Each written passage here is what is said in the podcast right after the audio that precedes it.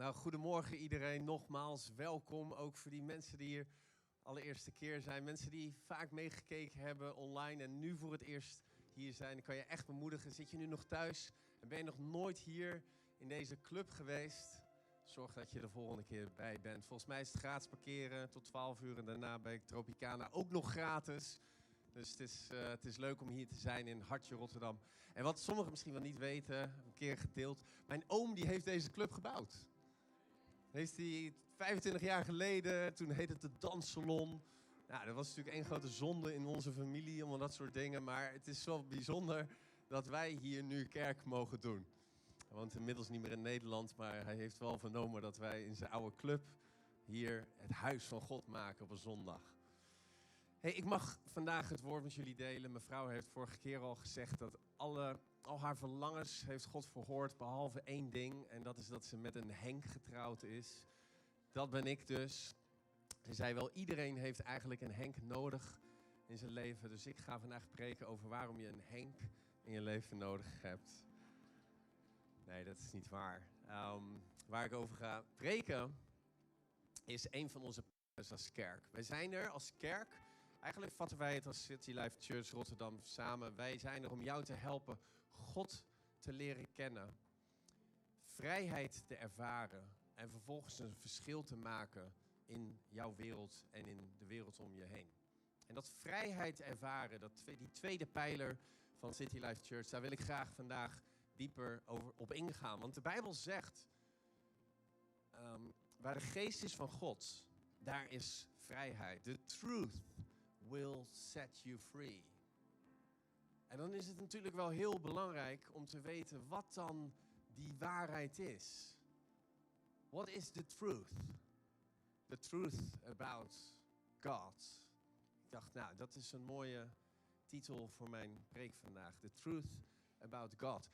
En ik weet niet hoe het met jou zit, maar heb jij wel eens een documentaire gekeken die begon met The Truth About? The truth about the moon, landing. The truth about Donald Trump.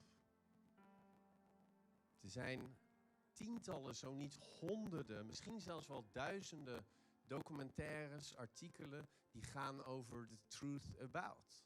Ik heb er een paar opgezocht. Er is ook the truth about belly fat.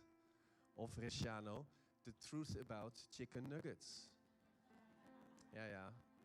Of voor de kinderen the truth about Mickey Mouse. It's, it's all out there. En de vraag is natuurlijk, als jij een documentaire bekijkt over the truth about, kom je dan achter die waarheid?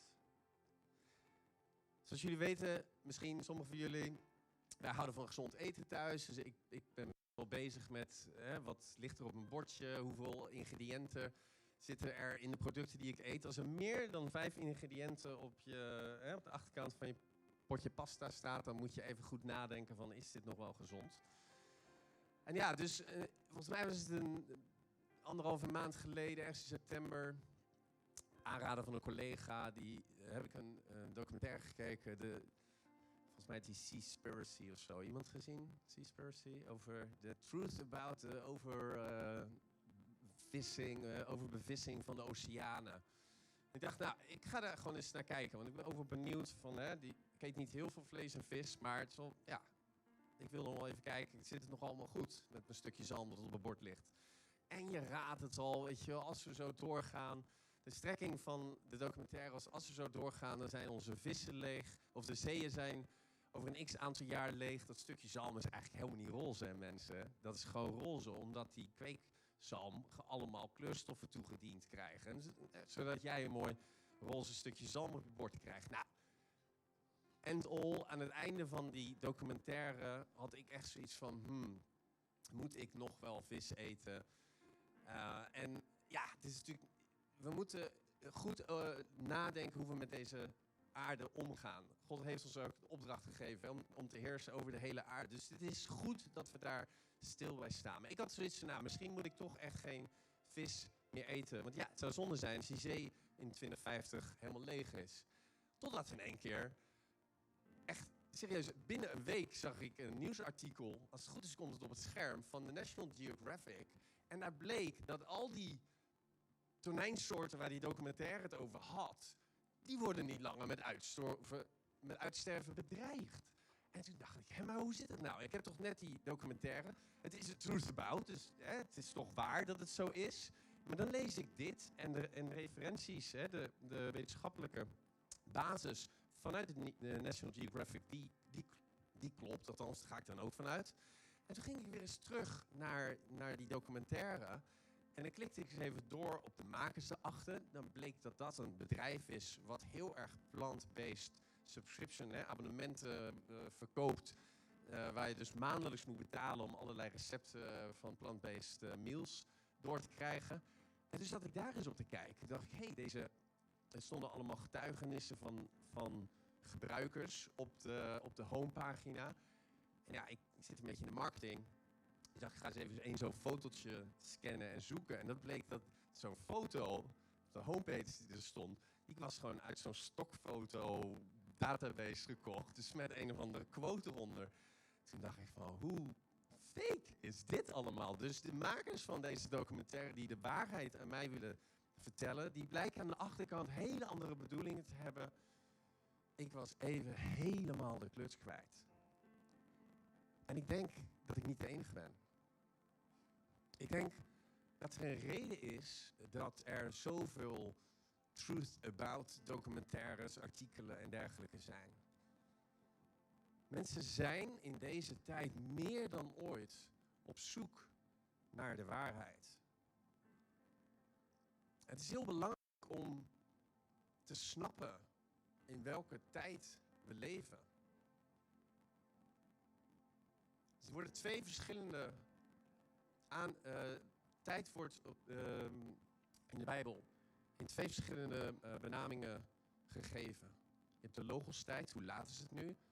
Is het 12 uur? Oh nee, dat is de afstandsklok. Het is 11 uur 03. En er is de Kairos-tijd. Wordt 86 keer in het Nieuwe Testament beschreven. De Kairos-tijd is de tijd die het nu is in de grotere planning van God. En God vindt het heel belangrijk dat wij snappen in welke tijd we leven.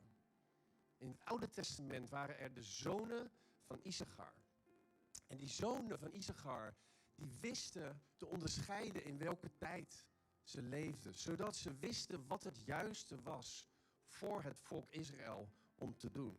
Als het goed is, ja, in 1 Kronieken 12 vers 33 staat dat. Uit de stam Issachar waren die zonen waar men de tekenen destijds goed aanvoelde en begreep welke koers Israël zou kiezen. En niet alleen in het Oude Testament, ook Jezus in het Nieuwe Testament, in Lucas 12, vers 56, die eigenlijk, hè, he rebukes the disciples. Dus hij spreekt ze aan en hij zegt van, ja maar, you hypocrites, you know how to interpret, the appearance of the earth and the sky. Dus jullie weten hoe je de, de, de, de, de hemellichamen moet interpreteren. How is it that you don't know how to interpret this present time? Dus Jezus geeft ze er eigenlijk van langs, omdat ze niet het Kairos moment, niet weten, niet snappen wat er gaande is, wat God aan het doen is in deze tijd. En zelfs Paulus in Romeinen 13, eh, vers 11 zegt hij, and do this, understanding the present time. Beste mensen, we leven in een tijd waarin de waarheid zo belangrijk is. Zoveel mensen die zijn op zoek naar de waarheid. Maar beseffen jullie ook dat al in Genesis, in Genesis 3, nadat Adam en Eva de waarheid van God hadden ontvangen, die had ze gezegd, als je van deze boom eet, dan zul je sterven. En wie kwam daar? Wie kwam daar? De vijand, die kwam. En die fluisterde in in de oor. Heeft God gezegd dat als jullie van deze boom zouden eten, dat jullie dan sterven? I'll tell you the truth about. En toen ging hij de waarheid verdraaien. Hij verdraaide de waarheid. Hij zei: Nee, als, je deze, als jij van deze boom, als jullie van deze boom eten, dan zul je niet sterven. En dan zul je net zo worden als God. En dit eeuwenoude trucje van de vijand gebruikt hij keer op keer op keer. Dus we zien aan de ene kant dat mensen op zoek zijn naar de waarheid. Als God bestaat, waar is hij dan? Wie is God? Is hij vandaag nog wel hetzelfde als wat hij zegt dat hij in de Bijbel is? En aan de andere kant zien we de vijand die probeert de waarheid altijd te verdraaien. Als er morgen een Truth About documentaire is over Mark Rutte, de Truth About Mark Rutte, verwacht één van jullie dan een positieve documentaire over Mark Rutte? Ik ben een marketeer. Truth, deze titels noemen we clickbait. Een bait is aas, dus waar je mee gaat vissen. Het is dus, dat wordt uh, in marketingtermen dus clickbait genoemd, hoe je iets noemt. Dus de onderwerpregel van een e-mail of de titel van een documentaire. Er wordt zo nagedacht over hoe dat genoemd wordt, dat het leidt tot zoveel mogelijk mensen die gaan klikken op die documentaire of op de e-mail. Morgenochtend stuurt uh, Stefan onze wekelijkse nieuwsbrief van CLC. Nou, ik kan je garanderen dat als die e-mail morgen gewoon CLC nieuws, nieuwsbrief maandag, uh, is het 7, 8 oktober, uh, dat hij zo getiteld is dat hij lang niet zoveel kliks, hè, opens krijgt als dat de e-mail morgen heet The Truth About City Life Church Rotterdam. The Truth About Daniel de Vos. Mensen zijn op zoek naar de waarheid. Alleen de geest die achter heel veel van deze uh, documentaires en heel veel inspanningen van de vijand zit, die is zo vaak negatief. En het is belangrijk dat wij als kerk snappen in welke tijd we leven. We leven in een tijd waarin er heel veel om ons heen gebeurt. De afgelopen anderhalf jaar zijn impactvol geweest en we hebben het zo vaak hier gedeeld. Maar het is zo belangrijk om te snappen en te weten wat God aan het doen is. En naar zijn stem te luisteren. Ons niet af te laten leiden door datgene wat om ons heen gebeurt. En daarin meegezogen te worden. De waarheid staat in Gods woord. Ik ben ermee begonnen Johannes 8, vers 32. Dan zullen jullie de waarheid gaan begrijpen en de waarheid zal jullie vrijmaken. Jezus zegt in Johannes 14, vers 6, I am the truth, the way and the life. No one comes to the Father except through me. De waarheid vind je maar op één plek. En dat is in Gods woord. Gods woord is waarheid. En ja, ik noem het het vingertje van Ciara, mijn vrouw. Hè? Die is soms een beetje streng. Zeg, Bijbel lezen. Heeft ze twee weken geleden gezegd. Bijbel lezen. Maar ik wil het vingertje nogmaals omhoog steken. En niet om jullie te bestraffen. Ik denk dat we niet, nu niet, hè, de, de times waarin we nu zitten, de tijd waarin we als kerk nu zitten, is niet dat we een God preken die hel en verdoemenis over je uitspreken. Wij geloven in een God die liefdevol is, die van jou houdt. We hebben het net gehoord in de samenvatting van de Bijbel van Jan. Een God die van zijn kinderen houdt en die er is om een relatie met jou en mij aan te gaan. Maar ergens proef ik ook dat we soms te gemakkelijk zijn geworden. Dat we wachten op het woord op een zondag, wat hier gesproken wordt. Nou, ik geloof en ik weet, en dat zegt Gods woord ook, dat Hij zichzelf aan jou mag openbaren. Er is ook zo'n mooi vers. Um, Petrus, Matthäus 16, vers 15. Ik denk niet dat ik die doorgegeven heb aan de beamer. Daar kwam mijn vrouw nog mee en ik vind het zo mooi. Want Jezus vraagt eraan zijn discipelen: wie, zegt, wie zegt men dat ik ben? En dan geven ze allerlei antwoorden. Zeggen ze: één denkt dat u Mozes bent, Elia, de een andere profeet. En dan vraagt hij: maar wie ben ik volgens jullie? En Simon Petrus, Simon Petrus antwoordde, u, u bent de Messias, de zoon van de levende God. En Jezus antwoordde, Simon, zoon van Jona, wat heerlijk voor je dat je dit begrijpt. Want je weet dat niet doordat mensen dat jou hebben laten zien, maar mijn hemelse Vader heeft jou dat laten zien. Dus Simon, eh, Petrus, die deelt hier zijn openbaring over wie Jezus daadwerkelijk is. En hij zegt, gezegend ben jij, ben jij. En niet omdat anderen, niet omdat de kerk, niet omdat de spreker op zondag jou verteld heeft wie ik ben, maar omdat God jou dat aan, dat aan jou heeft geopenbaard. En ik geloof dat wij hier elke week kunnen staan, ik en andere sprekers, om jou te vertellen wie God is. Of wat de waarheid over God is. Maar ik geloof dat God zichzelf aan jou wil openbaren. God is waarheid. God is true. Zijn woord is waarheid, zegt Ik begon deze preek met de titel van mijn preek die The Truth About God heet. Maar ik wil hem eigenlijk afsluiten met The Truth is God. En ik geloof, als je mij vraagt waar, welke tijd we nu zitten, dat er een toename is in honger onder christenen. Ik proef het heel erg in onze kerk.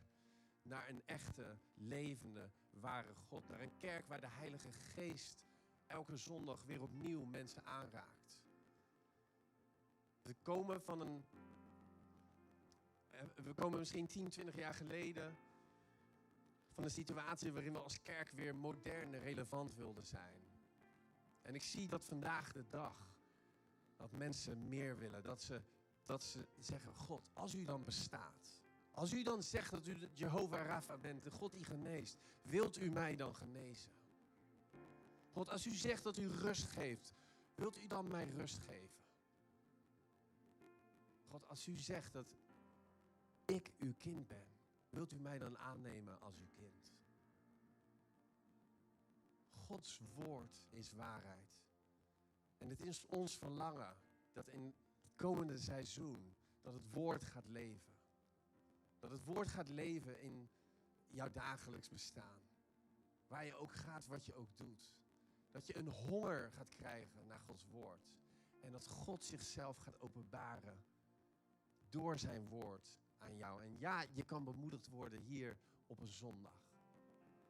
Maar wij zullen niet zeggen wat je moet denken, maar wij zullen je wel bemoedigen dat je gaat denken en dat je het woord in gaat duiken. En ik wil iedereen vragen om zijn ogen te sluiten, want ik wil een gebed over je uitspreken. Vader in de hemel, dank u wel dat u zichzelf in uw woord aan ons openbaart. Vader, help ons om richting te krijgen in alles wat er om ons heen gezegd wordt. Alle waarheden die eigenlijk geen waarheden zijn, Vader, we leggen ze aan de kant. En dank u wel dat we mogen weten dat uw woord waarheid is. En dat uw woord een levend woord is. En ik bid voor jou dat het woord van God, de Bijbel, meer en meer voor jou gaat leven. En ik bid als je in dit seizoen, in een droog seizoen is, zit, waar je de Bijbel misschien amper opent. Heilige Geest, wilt u komen? Wilt u ons hongerig maken naar uw woord, naar uw levend woord? Vader, openbaar uzelf aan ons. Vader, leer ons om te ontdekken dat we kinderen zijn. Dat we erfgenamen zijn van u door uw woord.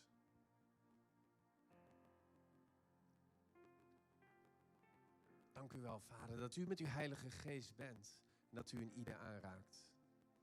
In Jezus' naam. Amen. Ik wil u vragen om te gaan staan en dan gaan we God aanbidden.